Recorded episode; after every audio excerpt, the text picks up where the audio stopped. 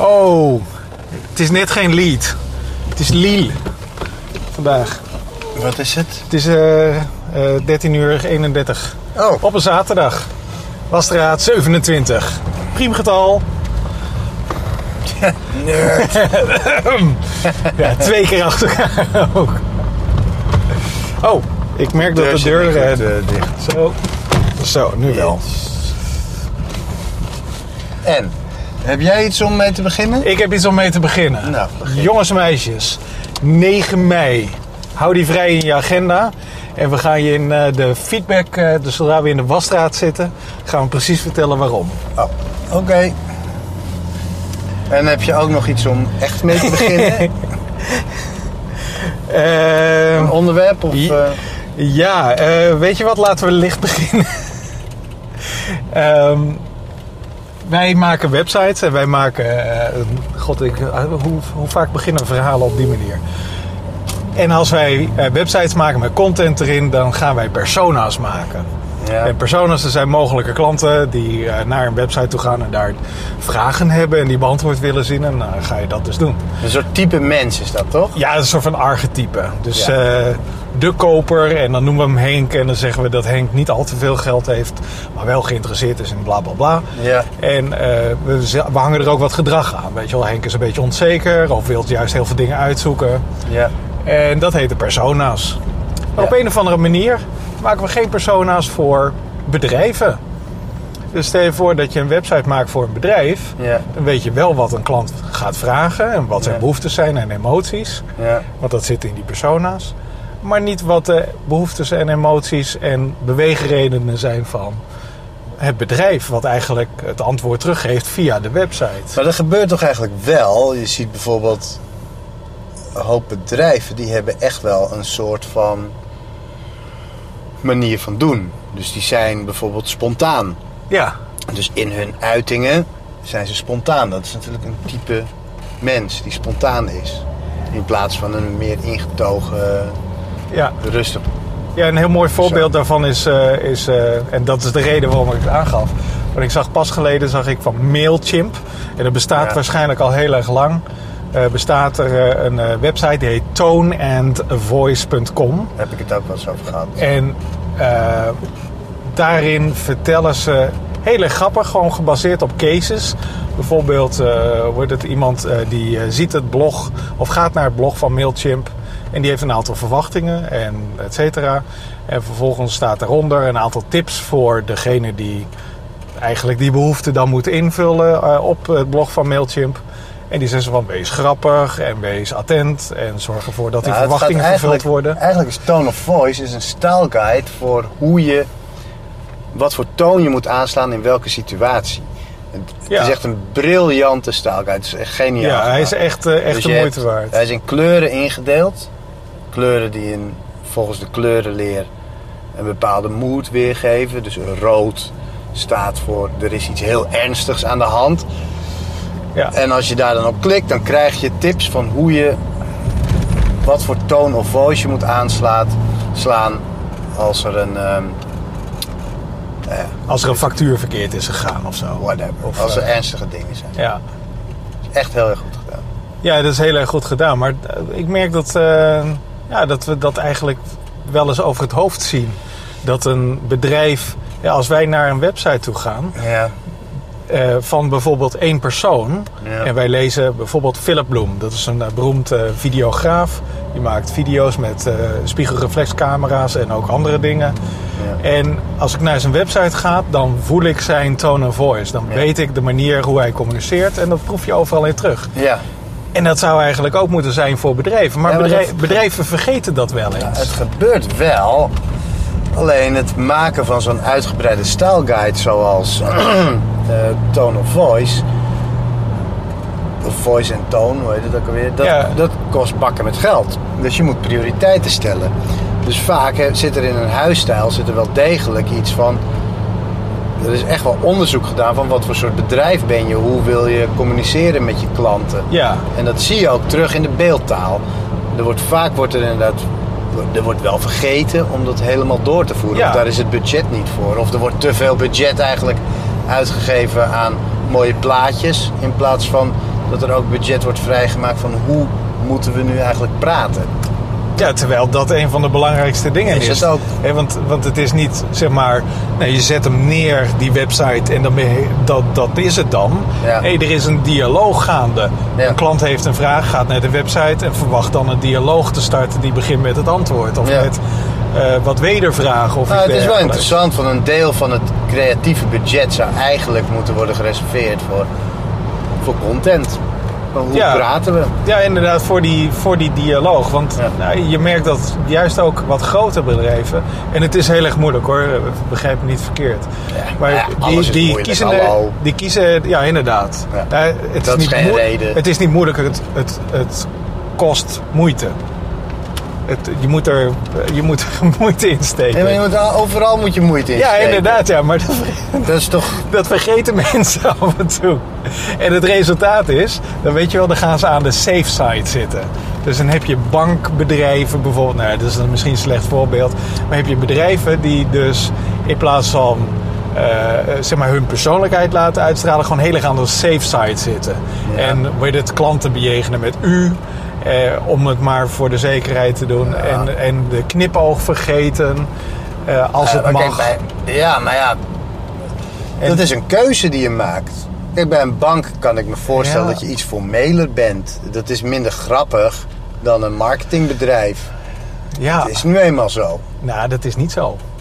Want er is bijvoorbeeld er is een heel mooi voorbeeld. eh, ING Direct, maar Ja. ook bijvoorbeeld Mint.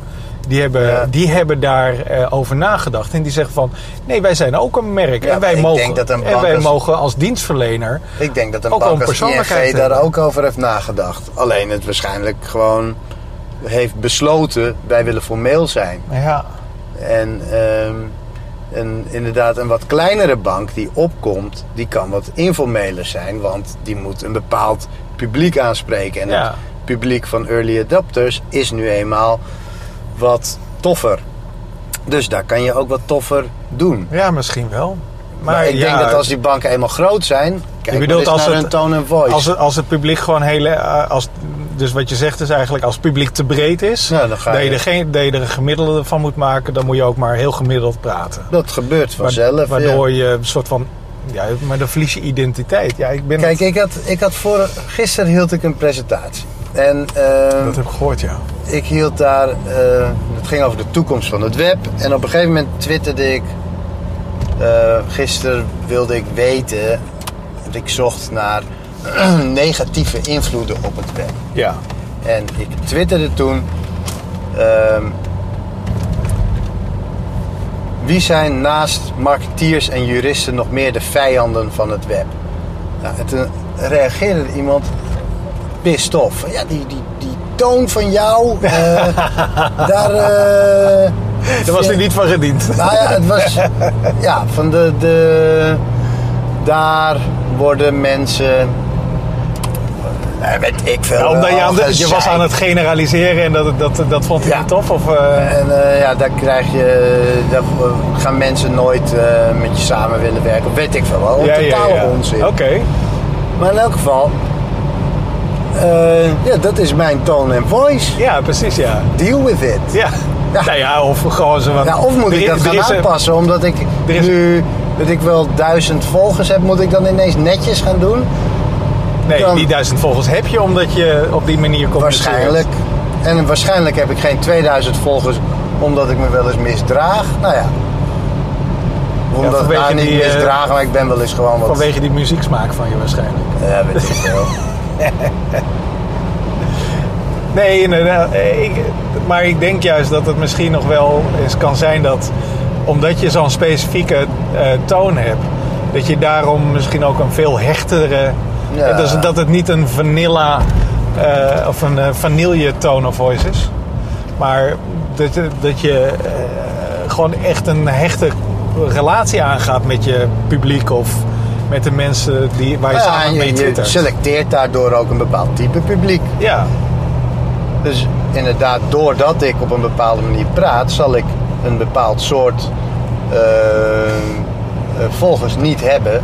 ja. Dus mensen die eh, een hekel hebben aan, aan mijn manier van praten zullen inderdaad andere mensen gaan volgen. Dat is prima. Daar ben ik eigenlijk ook wel heel erg blij om. Ja. Maar het, het belangrijkste daarin is, stel voor dat jij nou een ander kanaal hebt, bijvoorbeeld eh, dat je op je blog heel erg formeel communiceert, dan Ja. denken mensen, ja, dat is gewoon iemand anders. Ja. Dat is, of dat is een secreta- secretaresse of een secretaris Ja, die ja, dat dus je moet inderdaad, je moet in je uitingen moet je consequent zijn. Ja. Hey, hoe heet het? Jouw mails en jouw offertes of wat dan ook, dat moet eigenlijk zouden dezelfde toon Nou ja, nou, dat is niet helemaal waar. Kijk, als ik voor een klant een document schrijf over een bepaalde webtechniek, noem maar wat, Ja. dan gaat dat niet over mijn tone of voice. Nee, precies. Dan is het niet Vasilis die. eh, dan gaat het over Mirabeau. Ja, Dus dan inderdaad. moet ik die tone of voice. Natuurlijk zijpelt Ja. er wat van mij in door, want het- ik kan nu eenmaal niet anders. Maar Van die leuke bijzinnen, want dat is evil natuurlijk. Ja, Maar ik vond het... eh, ik heb trouwens de presentatie heb ik, eh, gelezen. Daar heb ik nog wel één, eh, één of twee vragen over. want je, je gaf aan van... De, je hebt gesproken bij... Help me eventjes, want ik kon het niet uitspreken. Cody. Cody, zo Ja, heet het. ja, en wat, is dat? Het is een, een congresje. Eerste keer georganiseerd. Eh, nou ja, eigenlijk is het een soort van een meet-up s'avonds. Ja. Ze hebben het iets groter aangekleed. Van wat voor soort mensen? Het zijn drie mensen uit Zwolle met een, volgens mij, design en development achtergrond. Dus in elk geval, het, Ah, het idee was, we doen designers en developer, developers bij elkaar. Maar het is eigenlijk gewoon een meet-up. Oké. En op de een of andere manier zien zij het zelf meer als een congres. Dat was het niet echt. Het was gewoon een... Oké, maar, Ze hadden het ook iets verder aangekleed. ja. maar het was wel leuk. Het was hartstikke leuk. Het was in een oud, eh, het oudste gebouw van Zwolle, Refter. Volgens mij is het een oud klooster. Oké. Uit 1300 nog wat. Kijk. Echt oud. Dat is pas eh, geschiedenis. Ja. Ja, Het was wel... eh, het was een leuk congres, ingeleid door eh, eerst een goede presentatie over... Eigenlijk over, niet zozeer persona's, maar meer over persoonlijkheden. Van wat voor soorten mensen heb je en hoe kan je die bepalen. Ja. door Steven, achteraan ben ik even kwijt, van Concept 7. Een eh, ontwerp- en onderzoeksbureau. Nou, dat was hartstikke goed. Dat was een goed verhaal. Wel een beetje eigenlijk wat je weet van hoe, ga, hoe kan je die psychologische profielen volgens een bepaalde methode vaststellen. En daar kwam bijvoorbeeld, dan heb je een aantal tests van ben je meer een introvert of extrovert persoon, ben je meer een eh, eh, ondernemer of eh, nou ja, er waren wat, wat dingetjes. Oh wacht, de ring Amsterdam moet ik Oh. hebben.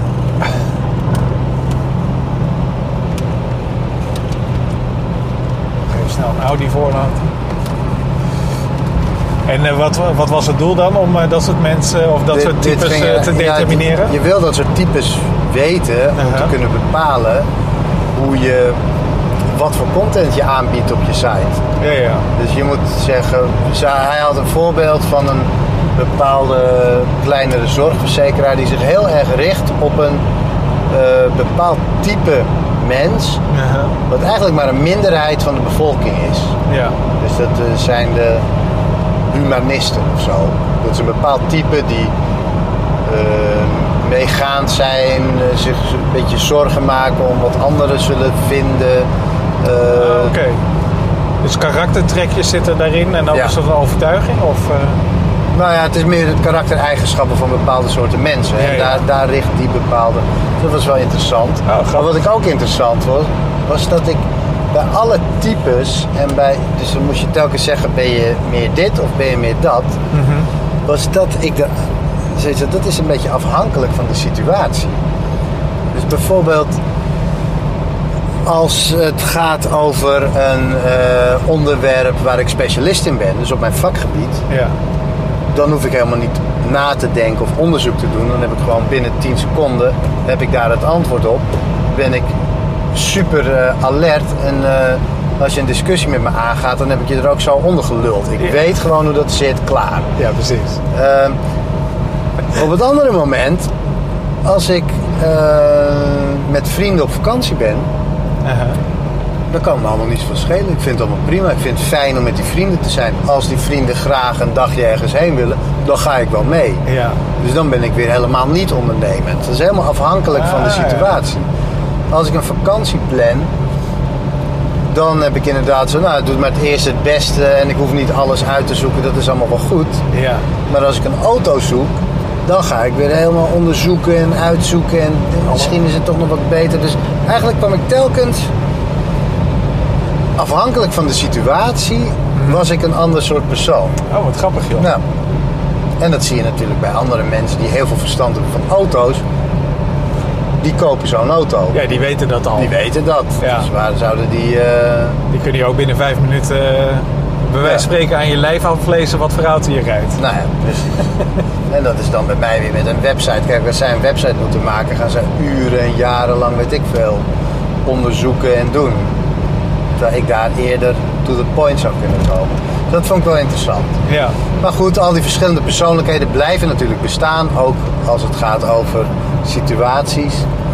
Ehm, en Amazon is natuurlijk een goed voorbeeld van een overvolle website. Maar waarbij wel elke soort persoon aangesproken wordt op die verschillende plekken in de website. Dat was heel interessant om te zien. Je hebt elk een eigen hoekje, zeg maar. Ja, Ja, want ik kan me nog een, ehm, een presentatie herinneren van iemand op, eh, oh jongens, wat was het? eh, Dutch Design eh, Week.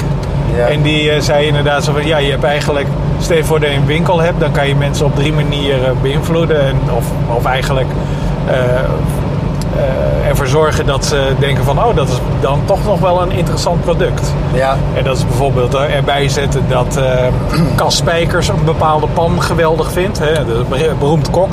Ja, Dus dat ze zich spiegelen met beroemde mensen. Ja. Of dat hun vrienden eh, die pan ook hebben gekocht en een goede Ja. rating hebben gegeven. Of bijvoorbeeld heel gevoelig zijn voor kortingen. Ja. Dus dat die in de aanbieding is. Of dat nou het geval is of niet. Als er maar aanbieding bij staat. Nou, dat is een die en je hebt de bestel nu knop voor de mensen die gewoon direct willen kopen. Voor wie dat allemaal helemaal niet Oh, interessant precies. Die hebben dat al besloten, willen hem gewoon bestellen. Willen geen extra informatie. Dat zijn inderdaad die... eh, Dat zijn een beetje die types hetzelfde, inderdaad. ja. En het toffe is dat die... eh, eh,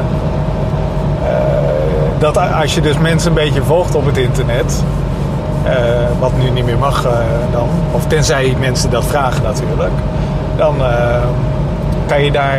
ja hoor, dan kan je dus destilleren van wat de prioriteit gaat krijgen. Hè. Dan krijg je een beetje ja, responsive content zoals, het, zoals mensen dat misschien wel zouden willen. Oftewel, ja, hoe heet het, dat de Kaspijkers review helemaal bovenaan staat. Of echt in je blikveld. Als jij dat uit, jou, uit de analyse blijkt dat jij dat heel belangrijk vindt. Dat is natuurlijk wel heel erg gevaarlijk. Want dat betekent eigenlijk dat je eh, ja, heel erg snel geneigd bent om te consumeren. Of om dingen te kopen. ja. Afhankelijk van of je daar echt heel erg gevoelig voor bent natuurlijk. Nou ja, dat is, Amazon is er natuurlijk een ster in. Ja. Dat brengt me trouwens wel naar het eh, volgende onderwerpje. Ja. Eh, er is een. eh, ik weet nou niet of ik het vorige keer ook heb genoemd, dus excuseer me als het dubbel is. Vorige keer hadden we het heel even over cookies. Eh, dat het maar lastig is dat er cookies zijn sowieso. eh, of eigenlijk dat je ze moet goedkeuren en dat dat ruimte in beslag neemt. Ja. En ik vroeg me zo af. Wat nou als je mensen de keuze biedt? Dus niet zeggen ze van... Hallo, wij willen cookies gebruiken... en daarom gaan we of de website blokkeren... of een dikke balk onder boven naast de Ja. website zetten. Maar deze van... Oh, je hebt net eh, gekozen op eh, de productmap. Vind je het erg als we dat opslaan voor je? Want dan kunnen we dat eh, volgende keer nog makkelijker voor je maken. Dus eigenlijk dat het onthouden van de gegevens, dat dat een soort van gedeeld voordeel is. Weet je? Ja. dat de klant ermee geholpen is en dat het bedrijf natuurlijk ook een beetje eh, doorgeholpen is. ja, dat kan. Ik heb, dat nog niet, eh, ik heb dat nog niet eerder gezien. Dat dus echt die angle van, kijk, die cookies gebruiken, dat is een dienstverlening aan jou. En of dat nou helemaal waar is, het zal altijd zijn dat het bedrijf daar ook geïnteresseerd in is. Ja. Maar zo expliciet daarover communiceren heb ik nog niet eerder gezien. Het kan. Het zou best wel eens een leuk experiment kunnen zijn. Ja. Het is natuurlijk meer werk. Het is zeker meer werk. Ja. Maar het is ook sympathieker wat mij betreft. Absoluut. Dus, Absoluut. Gewoon op het moment dat het nodig is vragen of er koekjes eh, gezet mogen worden. Ja. Ja, nou ja, of je eigenlijk mag beginnen met dienstverlenen. Weet je, het is de meneer in de winkel die naar je toe loopt en vraagt of, je, of die je kan helpen. Ja. En dan zeg je, nee hoor, ik browse alleen maar wat. En dan klik je op nee. Ja, precies. Ja. En dan misschien wel dat je op een gegeven moment zegt van... oh ja, nee, nu is het wel handig. Ik weet het ook niet.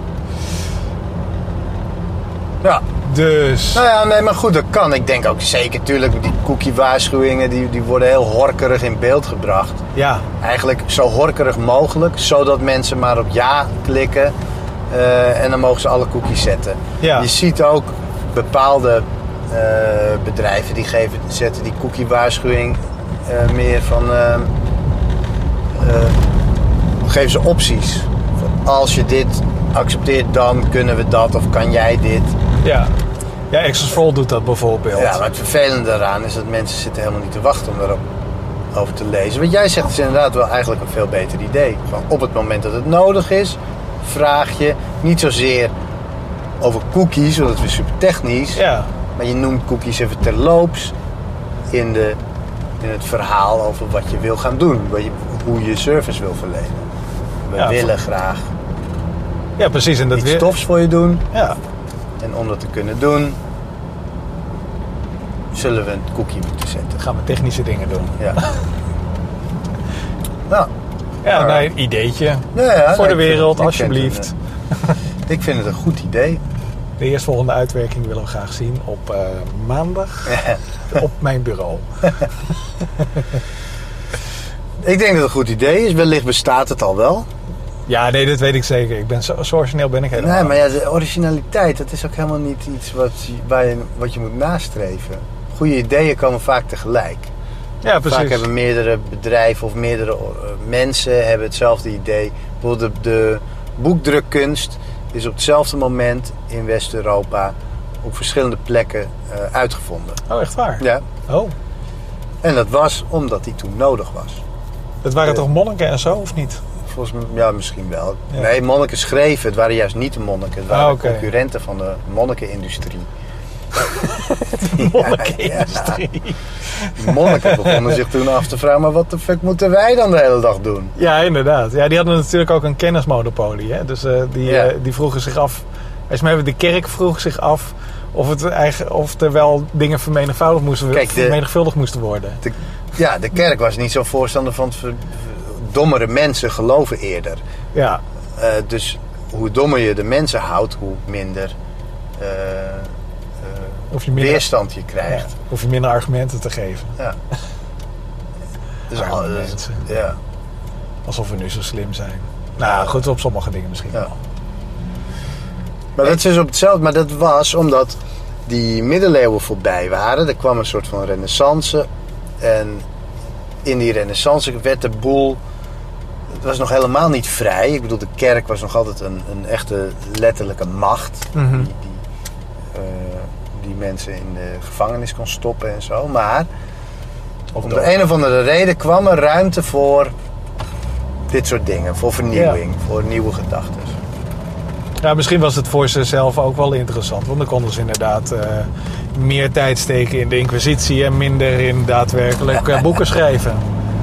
Ik bedoel, eh, Ja, waarschijnlijk dachten ze in Spanje ook... zo van, nou, beter een, een pastoor met een tang in zijn hand... dan met een veer in zijn hand. ja, ja. ja. Ik weet het ook niet hoor. Nee. Dus mij halen we een heleboel tijd, eh tijd Ik denk het ook. alles door elkaar. Niet Ja. onderricht, sorry. Of alles vergeten in elk geval. Maar het is wel interessant. Ja, maar goed, dat heb je hier dus ook hè, op het web. We hebben een aantal stappen gezet. We zijn een aantal dingen aan het doen. We hebben met bepaalde specifieke problemen eh, te maken. Zoals de cookiewet. Daar hebben we Ja. nu ineens mee te maken. Daar hebben we natuurlijk al die jaren helemaal niet over hoeven nadenken.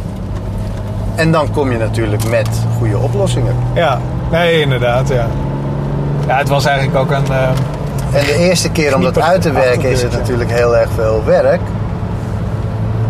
ja, om de juiste te- toon aan te slaan.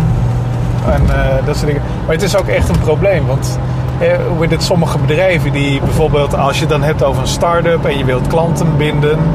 Ja. eh, en je wilt bijvoorbeeld tracken van hoe goed bijvoorbeeld jouw campagnes het doen. ja, Ja, dan heb je al vrij snel ook echt cookies nodig om, Ja. om dat te doen. Absoluut. En wat ze dan zeggen is van... Ja, wij kunnen dus een stopbord voor onze website zetten... dat mensen de cookies moeten accepteren. Ja. Maar dat remt mensen ook direct af om daadwerkelijk op die website te komen. is ook zo. Dus die, ja, hoe het, we merken dat, eh, dat een heleboel start-ups in elk geval... of nieuwe merken, dat die daar erg veel moeite mee hebben. Van, ja, wat moeten we nu? Moeten we nu afremmen of, of juist iets Nou anders ja, gaan verzinnen? slim mee omgaan inderdaad. Ja, inderdaad, ja. Vriendelijk. Vriendelijk, in overleg. In overleg. Ja. Ja, of slim, zoals wat jij voorstelt. Gewoon op het moment dat het nodig is. Ja, Gewoon e- heel eventjes subtiel lastigvallen. ja precies, ja. Ja, en dus niet gniepig. Want dat Ja. kan natuurlijk ook een beetje Ja, gniepig overkomen. ja, ja je kan natuurlijk ook... eh, ja. Want dat kan natuurlijk ook. Je kan ook gewoon liegen. Oh, we gaan nu servers aanbieden. Maar dat zag niemand, geloof ik. Maar ik had eh, gisteren dus een verhaal gehouden over de toekomst van het web. Tenminste, ik wilde eigenlijk gewoon weer mijn verhaal over eh, eh, nieuwe uitgangspunten voor webdesign houden. Ja. Wat ik eh, al vaker heb gehouden. Eh, en waar overigens een artikel van in de maak is, dat is bijna af. Dus Oh. dat komt binnenkort op Smashing Magazine. Spannend. En, maar toen keek ik op de site van Cody en daar stond dat ik het ging hebben over de toekomst van frontend development. Oh, Oh, nou, oké, even, even een beetje bijsturen. dan doe ik dat.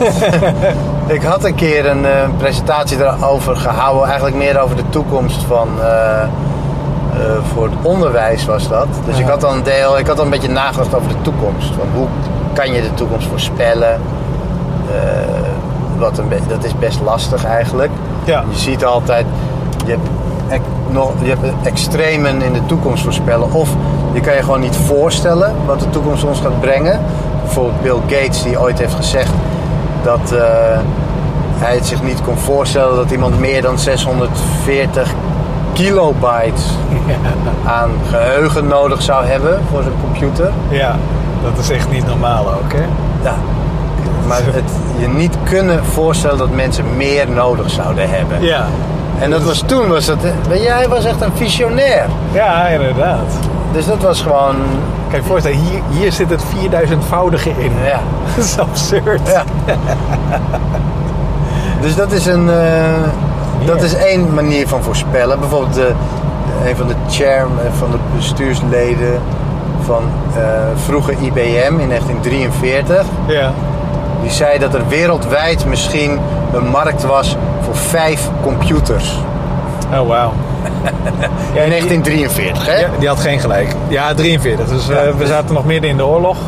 Ja, er waren gewoon nog. Er waren nog geen computers.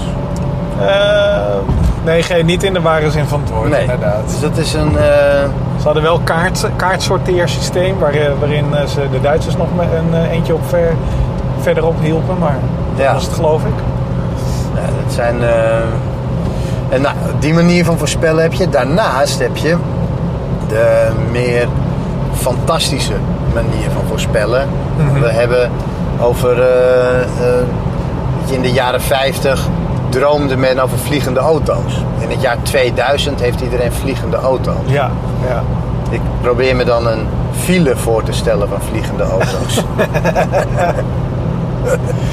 dus gewoon, Oh, dat is is- onpraktisch. Tuurlijk wil Ja. je vliegende auto's. En dat is ook een mooie fantasie. En wat zou het Maar opleveren? in dan? de, in de praktijk zal dat gewoon... Nou ja, Kom je ook tegen de realiteit is het wat lastig. Ja. Nou ja, je zal natuurlijk... eh, ja, files inderdaad. Misschien gaat het sneller of zo. Ik weet het ook niet. Ja, het is natuurlijk een fantastisch idee dat iedereen zijn eigen vliegtuigje heeft. En Ja. dat hij gaat vliegen de hele dag. Ehm, maar goed, dat, dat zijn van die andere manieren van toekomst voorspellen. Waarin Ja. je dus meer ehm, nou ja, eh, toffe dingen gaat eh, verzinnen. Ik heb het heel. Eh, ik heb eigenlijk gekeken ook van, nou, kan ik de toekomst voorspellen? door eens even te kijken naar het verleden. Het recente verleden. Dus vijf jaar geleden, hoe zag Heb ik het hier ooit eens over gehad op de Wasstraat? Weet ik eigenlijk niet. Eh, nou ja, whatever. Ik stop je wel wanneer je... Vijf jaar geleden, hoe zag het web er toen uit? Of de, het internet. Ja.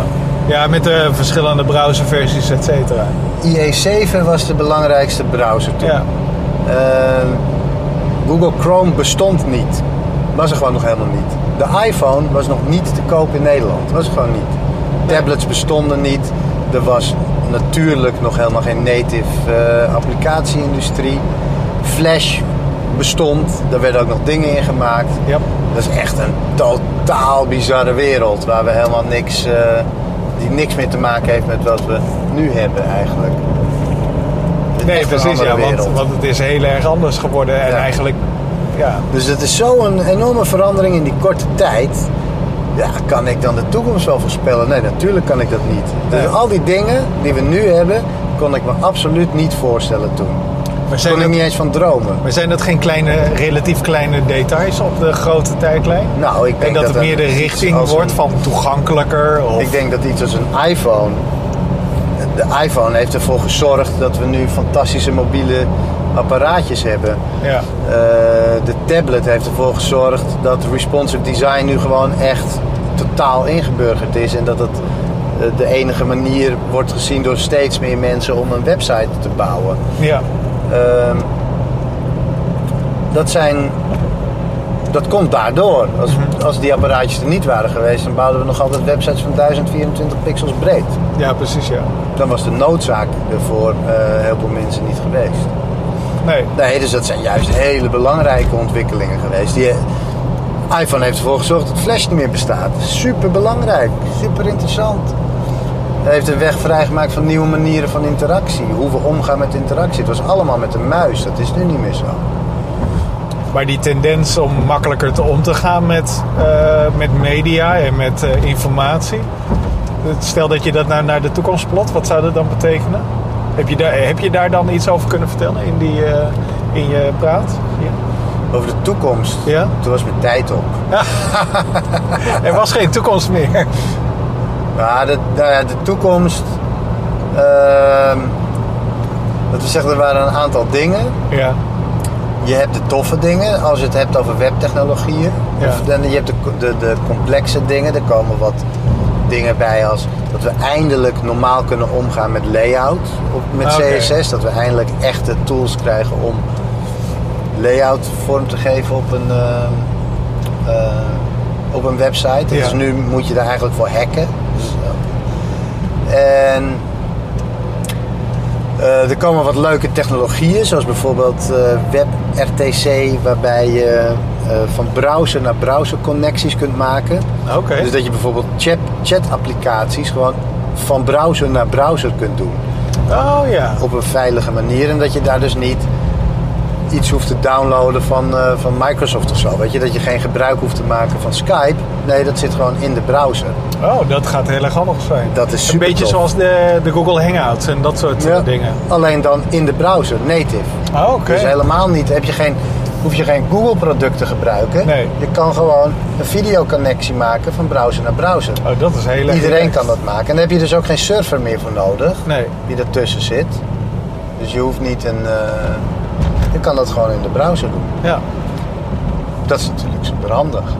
En eh, dat, dat zijn leuke ideeën. En je kan dus ook die, de, de video aanspreken. Je krijgt steeds meer device API's. Dus waarbij je gebruik kunt maken van... eh, of toegang kunt verlenen tot het adresboek. Dat soort dingen. Wat native apps hebben. ja. Vind ik zelf eerlijk gezegd. Ja, het is wel handig. Wordt dat niet heel erg ehm, ook een beetje gevaarlijk? Dus dat je best wel veel data kan blootgeven over een lijntje tussen twee verschillende browsers. Wordt het hacken dan niet- ook niet makkelijker? Eh, nou ja, dat zijn er. De- je moet toestemming geven. Oké. Het is bijvoorbeeld op, eh, eh, met native apps is, het, is daar vaak al misbruik van gemaakt. Er worden gewoon hele adresboeken gedownload, omdat je daar die toestemming minder duidelijk moet geven. En op het Oh, web ja. wordt er gewoon, als er een camera eh, applicaties die toegang wil tot je camera, dan vraagt de browser die zegt deze applicatie wil toegang tot je camera. Ja. Geef toestemming.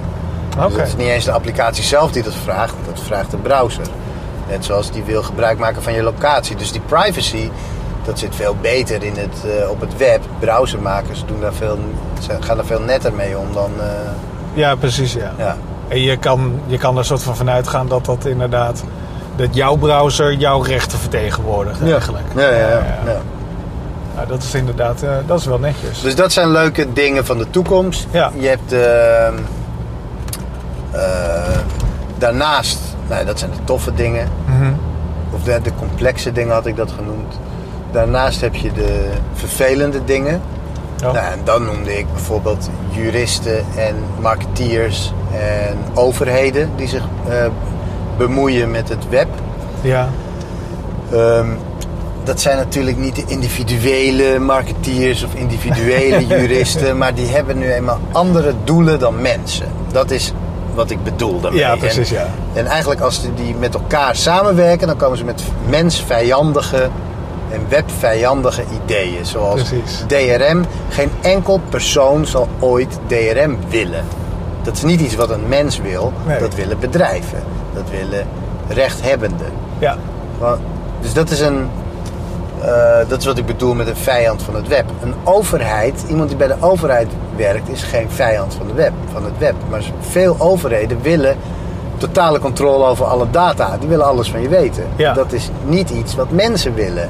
Weet je, de Nee, persoon zal dat ja. niet willen. Dat wil een geheel, een organisatie als een overheid of een organisatie als een en zo zijn, eh, uiteindelijk achter de eh, juristen en marketeers zitten natuurlijk ook bedrijven die lobbypartij. Ja. Ja, be- bedrijven die gewoon een aantal belangen hebben. Ja, bijvoorbeeld bij eh, we willen alles van jou weten. Daar zitten securitybedrijven achter. Oh ja. Nou, Maar daar heb ik die trouwens... verkopen software waarmee je alles van iedereen kunt weten. Ja, Dus die hebben er belang bij dat overheden bang zijn en alles willen weten. ja. Ja, vroeger was dat met die eh, mailformulier. Ik weet trouwens een leuke route naar een eh wasstraat. Oh ja, Ja. We zijn, we zijn inmiddels weer een beetje terug in, eh in Osdorp. Maar ik denk dat we misschien nog wel even feedback... Want we hebben feedback. we kunnen nog wel even naar een Ja, wasstraatje. en dan gaan we die kant op. En dan ik zeg, zeg wanneer we af kunnen slaan. Ja, ik dus hoop dat die- open is sowieso. Dus daar was een... ehm, ehm, Dat, dat is zeg maar echt een invloed was- waar we rekening mee en dan wat de toffe toekomst. Ja. Dat zit hem bijvoorbeeld erin dat we nu eindelijk beginnen samen te werken. Oh ja. Eh, dat de verschillende disciplines elkaar weten te vinden. We hebben altijd op het web, om de een of andere bizarre reden, hebben we altijd de watervalmethodiek gehad van samenwerken. Wat eigenlijk neerkomt op absoluut niet samenwerken. We zetten hoge Ja. muren tussen alle disciplines in. En daar gooien we onze deliverables overheen. en we praten niet met elkaar. Dat was letterlijk zo. Ja. Ik kreeg altijd kreeg ik Photoshop documenten. Ga me maken. ja, En dan keek ik ernaar en zei ik, dit kan ik niet maken, want dat is technisch onmogelijk. precies. Ja, maar de, ho, dit hebben we eh, verkocht aan de klant, dus het moet. Ja. Ach, Ja, maar het kan niet. Ja, maar het moet. Dus dan... Achterlijk. dat is eh, raar inderdaad. Echt. Ja. Ja, want we hebben het inderdaad aan de klant laten zien. En dus Ja. is het plotseling ook de realiteit geworden. Nou, en je ziet nu, we zijn nu, zijn we de klant aan het betrekken in het designproces. We zijn de verschillende Ja. disciplines. Het gaat nog helemaal niet vanzelf, want we zijn nog gewend om op die watervalmethode te werken. ja. Maar er gebeurt wel wat, dus dat is heel erg interessant. En er zit ook heel veel uitleg bij. Wat we, wat we hebben gemerkt is...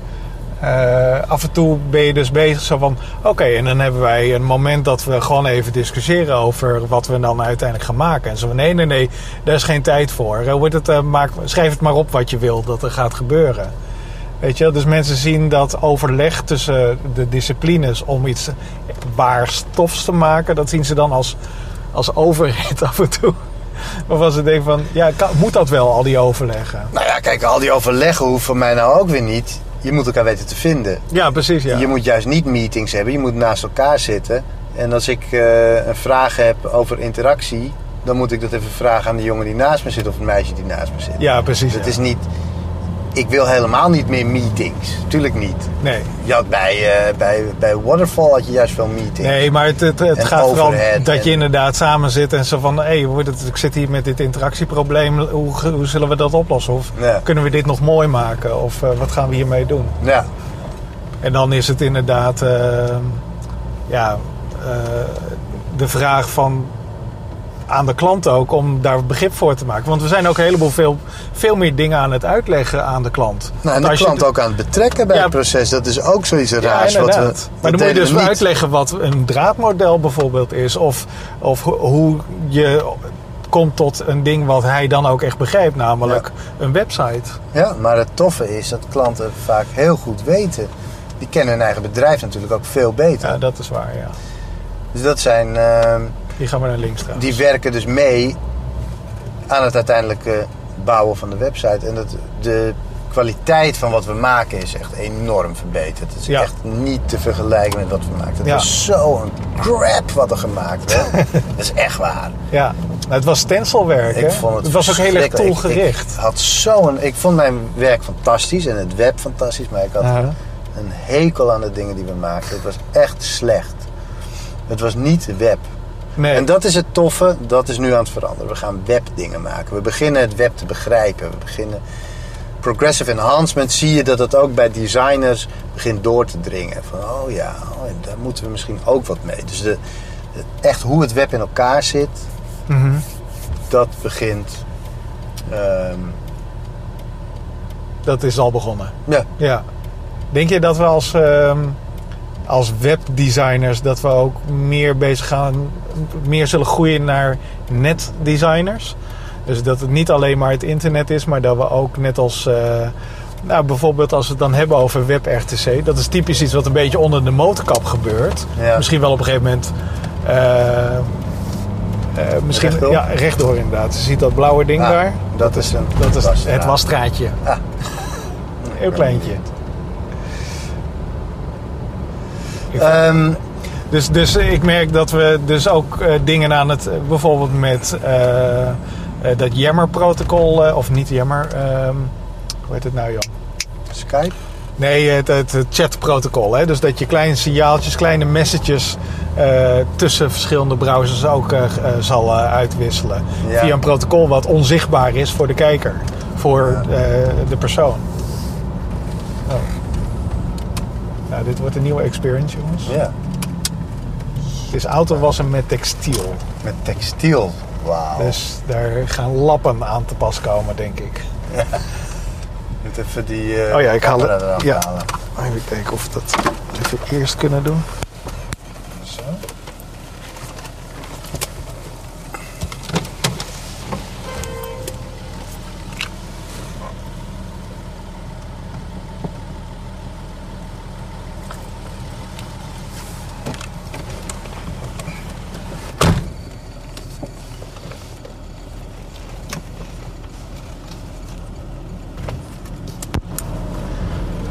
Leuk wasstraatje. Ja, de, de buurtwasstraat. Eh, eh, basic wash alsjeblieft. Kan ik pinnen? Nee. Heb jij cash? Ik heb cash. Even kijken. Hoop ik. Ja,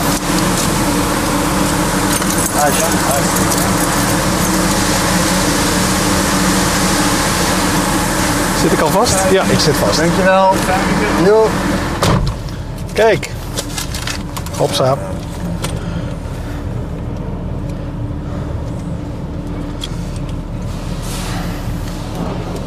Nou, hoe gaan we dit doen, jongens? Ah, ja, zou er maar.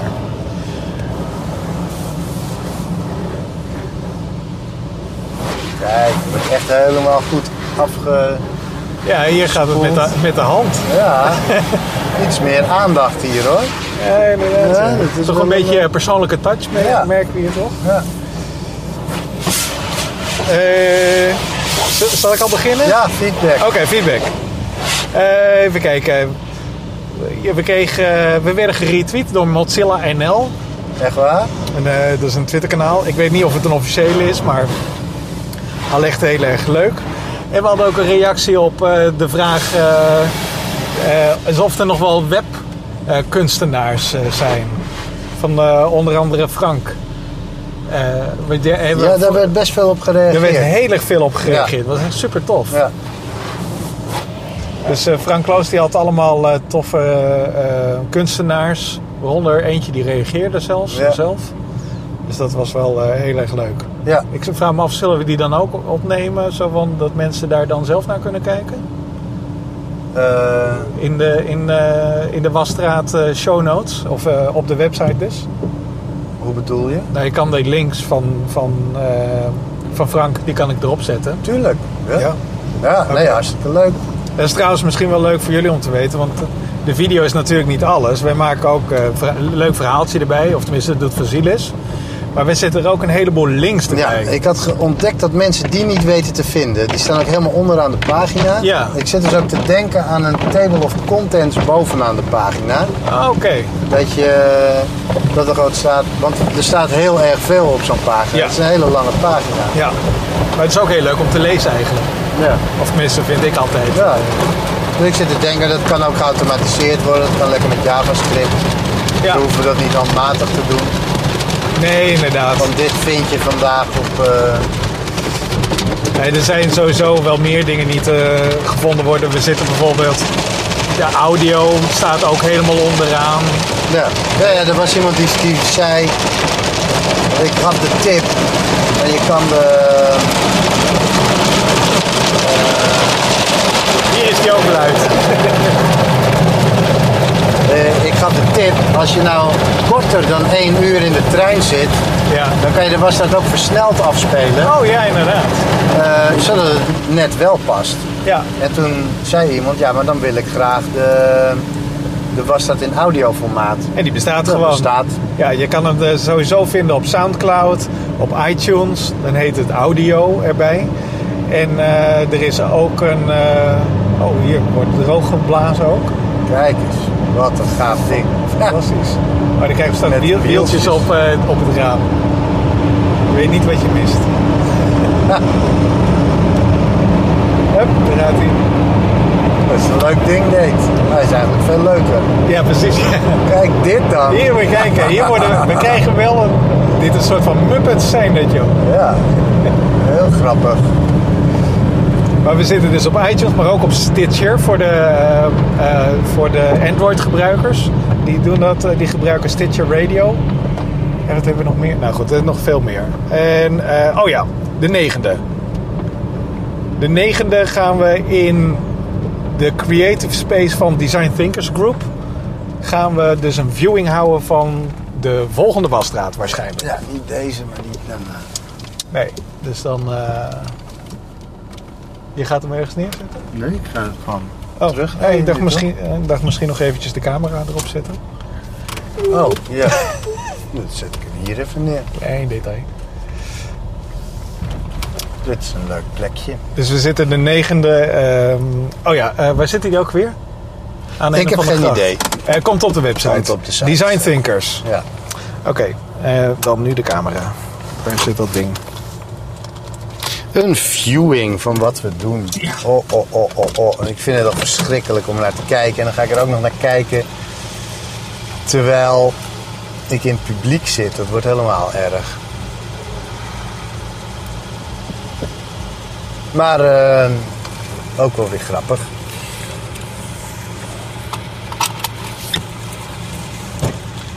Ik had nog wel een laatste puntje. Oh, ja. Of moeten we nog meer over de feedback?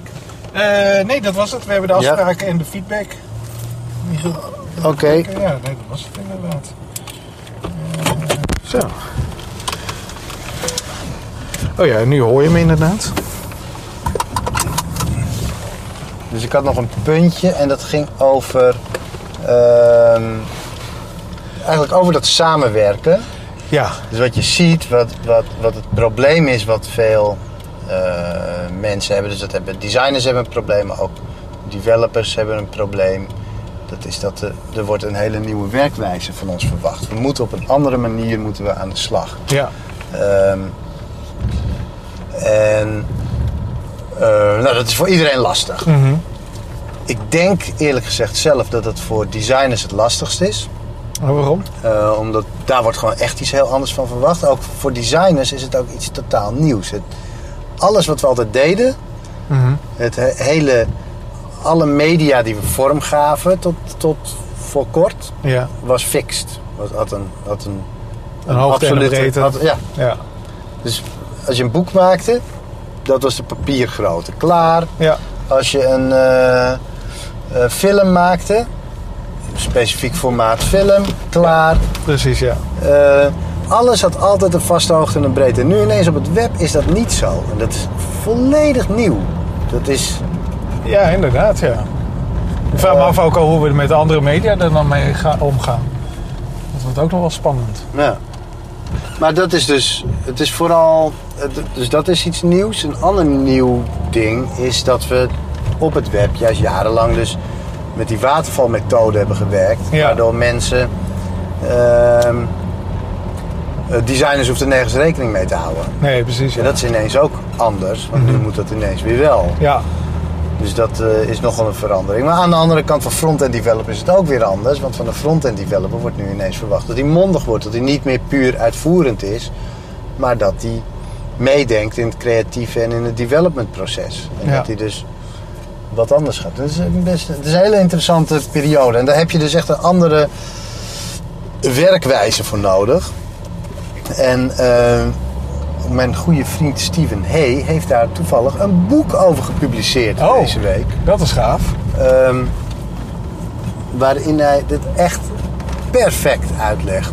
De, de problematiek van wat er aan de hand is. Ja, Ook uitlegt van, van, van hoe het in elkaar zit. Wat het probleem eigenlijk is met de deliverables die we nu hebben. Dus wat is er mis met Photoshop eh, bestanden. ja, Wat is er mis met eh, gedetailleerde wireframes? En ook waar komen ze vandaan? Hè? Hoe, hoe komen we erbij om die dingen te, te maken? Ja. En, en hij geeft alternatieven. Dat is het enige kritiekpuntje wat ik heb op het boek. Het boek is echt heel erg goed. Mhm. Het puntje wat, waar ik mee zit is dat hij, hij komt met oplossingen die geniaal zijn, maar ook technisch zijn. En hij verwacht eigenlijk van designers dat ze eh, gaan CSS'en. En dat ze, gaan, eh, dat ze met de command line bezig gaan. En ik ben zelf, ik ben het helemaal met hem eens. Want we hebben namelijk geen betere tools. Hebben we gewoon niet. Nee, nee, nee. Eh, Adobe maakt eh, FLUT tools voor het web. Dus we moeten het met dat soort handwerk doen. Maar die tools die moeten komen dus. Die tools moeten er komen, maar Ja. de, de, op dit moment hebben we ze niet. Dus als je nu een goede website wil ontwerpen, zal je met zal je moeten kunnen CSS'en. Ja. Ik ben het met hem eens, maar ik ben bang dat een hoop mensen die, een hoop designers die dat boek gaan lezen, dat die een, ehm, eh, zullen afhaken Ja. op de momenten dat er iets technisch staat. En dat die, terwijl er zo ontzettend veel goede informatie in dat boek staat. Dus Hmm. koop het boek. Ja. Sla, wat mij betreft, de technische stukken over als je die eng vindt. Eh, ik zou je Of aanraden. laat het om- uitleggen. ik zou aanraden om het wel te volgen. Het is goed uitgelegd, het is goed geschreven, toegankelijk geschreven. Eh, ik zou zeggen, probeer het wel, die technische delen. Maar als je er echt allergisch voor bent, zoals veel designers zijn, eh, sla ze dan over en lees de rest wel. Want het is namelijk echt een fantastisch boek. Oké. Voor zover Nou, als er een aanrader kan zeggen. reclame. Ja, inderdaad. Tot zover het reclameblok. Wij worden gesponsord door Steven Ik Hay word er niet eens door Incorporated. gesponsord, maar ik vind het echt een heel goed boek nou. Echt goed. En belangrijk ook. Ja, ik, eh, ik las dat je, hoe heet het, je was het aan het lezen in, in eh, Readmail en je Ja. wilde alles gaan eh, Ik ben- ik ben- highlighten. Ik heb volgens mij 100 bladzijden nu gelezen. Ik heb nog niet uit. En ehm, Alles is geel. ik heb bijna alles gehighlight. Ik had nog veel meer kunnen highlighten. Ja, precies. Ja. De lidwoorden bijvoorbeeld, die tussen de... Het is echt erg goed geschreven. Oké. Goed. Nou, Steven, eh, daar is je plug. Ja, ja, ja. We rekenen straks wel af. Doei! Doeg!